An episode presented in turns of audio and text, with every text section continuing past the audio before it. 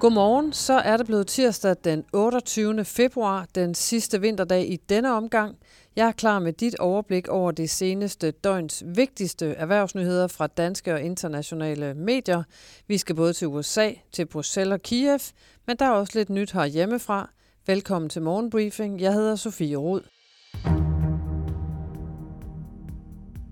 Den danske topøkonom Thorsten Slyk, som er cheføkonom i den amerikanske kapitalforvalter Apollo og tidligere cheføkonom i Deutsche Bank gennem 15 år, pryder forsiden af børsen i dag med en dyster melding.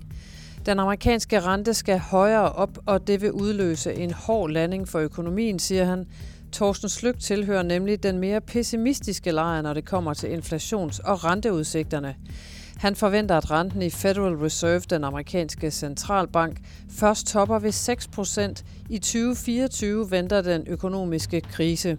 Og hvis renterne fortsat skal op og op og op, så kommer der en dag, hvor virksomhederne vil sige, nu kan jeg simpelthen ikke overleve mere, mener Slyk. Læs hele interviewet med ham i dag i børsen. Finans skriver på deres forside, at danske virksomheder risikerer at drukne i en tsunami af regler og regulering. EU vil sætte globale standarder for brugen af nye teknologier som kunstig intelligens, men det skaber et historisk tungt reguleringspres, der kan være dræbende for erhvervslivet, advarer flere eksperter om i finans. Bjerge af dokumenter og regler tager på erhvervslivets kræfter på et kritisk tidspunkt, lyder advarslen fra flere aktører, Blandt dem Kasper Klynge, som er vicedirektør i erhvervsorganisationen Dansk Erhverv. Han siger, der kommer en tsunami af reguleringer ud fra Bruxelles i øjeblikket. De kommer på samme tid, og de kommer med stor intensitet, siger Klynge til Finans.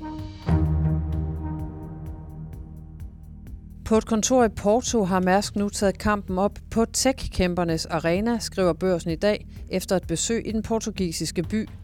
Her koder en flok Mærsk IT-folk så lige nu frem til, hvordan shippinggiganten overvinder udfordringerne ved at forhandle en traditionel shippingkoncern til en avanceret datakæmpe. Nogle af de største konkurrenter hedder nu Amazon og Alibaba frem for MSC og Hapag-Lloyd. E-commerce-chef Thiago Paiva fra kontoret i Porto siger til børsen, Muligheden er unik og vil positionere Mærsk rigtig godt inden for internethandel og andre produkter – det lag, som ingen andre har, er muligheden for at kontrollere hele logistikskæden, øh, siger Paiva, med henvisning til, at Mærsk kontrollerer både containerskibe og varehuse. Læs hele reportagen fra Mærsks portugisiske spydspids i børsen i dag. Moderaternes formand Lars Lykke Rasmussen tager nu bladet fra munden i sagen om hans partimedlem og kulturordfører Jon Steffensen. Sagen drejer sig om en underskrift, som Jon Steffensen er beskyldt for at have forfalsket. Udenrigsminister og formand for Moderaterne Lars Løkke afviser over for BT at svare på, om kulturordfører Jon Steffensen kan sidde i Folketinget, hvis det viser sig, at han har forfalsket en underskrift. Til gengæld udtrykker Lykke fuld, fuld tillid til Steffensen, som tidligere blev fyret fra teatret Avenue T. Lykke siger til BT, hvis ellers jeg ved, hvad der er op og ned i den sag, så føler Jon Steffensen, at hans ære er gået for nær på baggrund af en masse mærkelige beskyldninger. Der er anlagt en injuriesag, det tager domstolene sig af, og det har jeg fuldstændig tillid til, det skriver BT. Storbritannien og EU har indgået en aftale om den såkaldte Nordirland-protokol, der har givet store udfordringer siden britterne forlod EU for godt to år siden. Det oplyste den britiske premierminister Rishi Sunak og EU-kommissionens formand Ursula von der Leyen på et fælles pressemøde mandag eftermiddag. Og det skriver flere medier med EU-korrespondenter, blandt andet Børsen og Financial Times.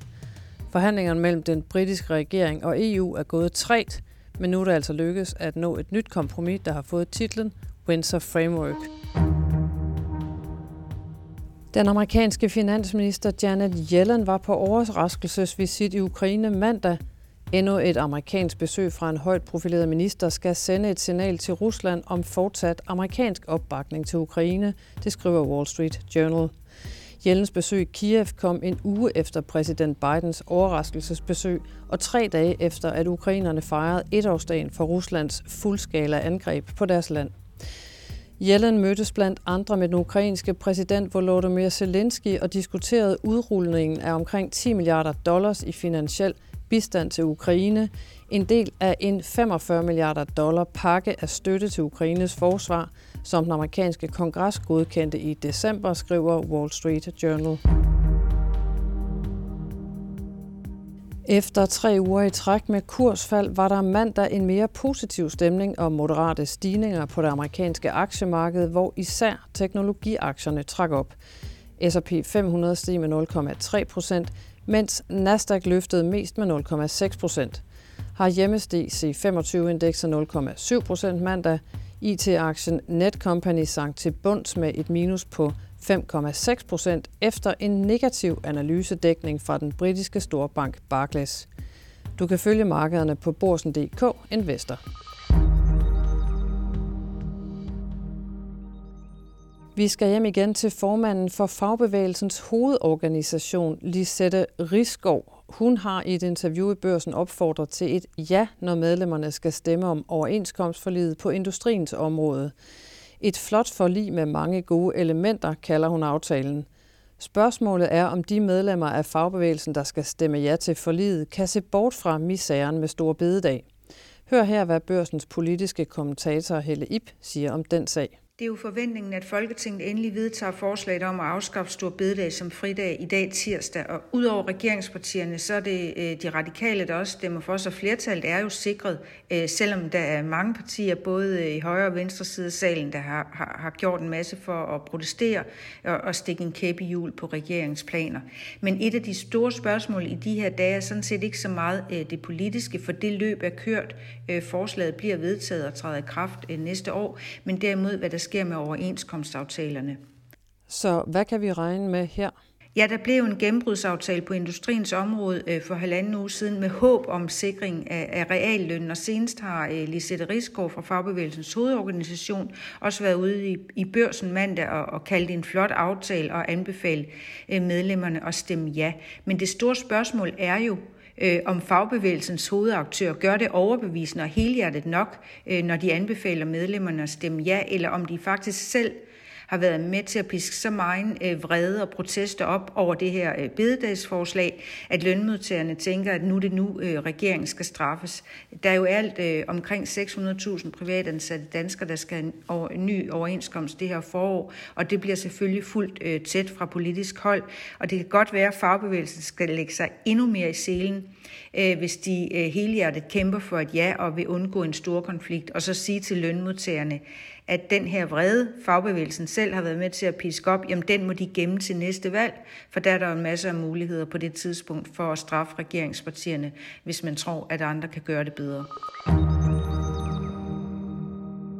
Den mørke februar er snart forbi, og det er dagens morgenbriefing også.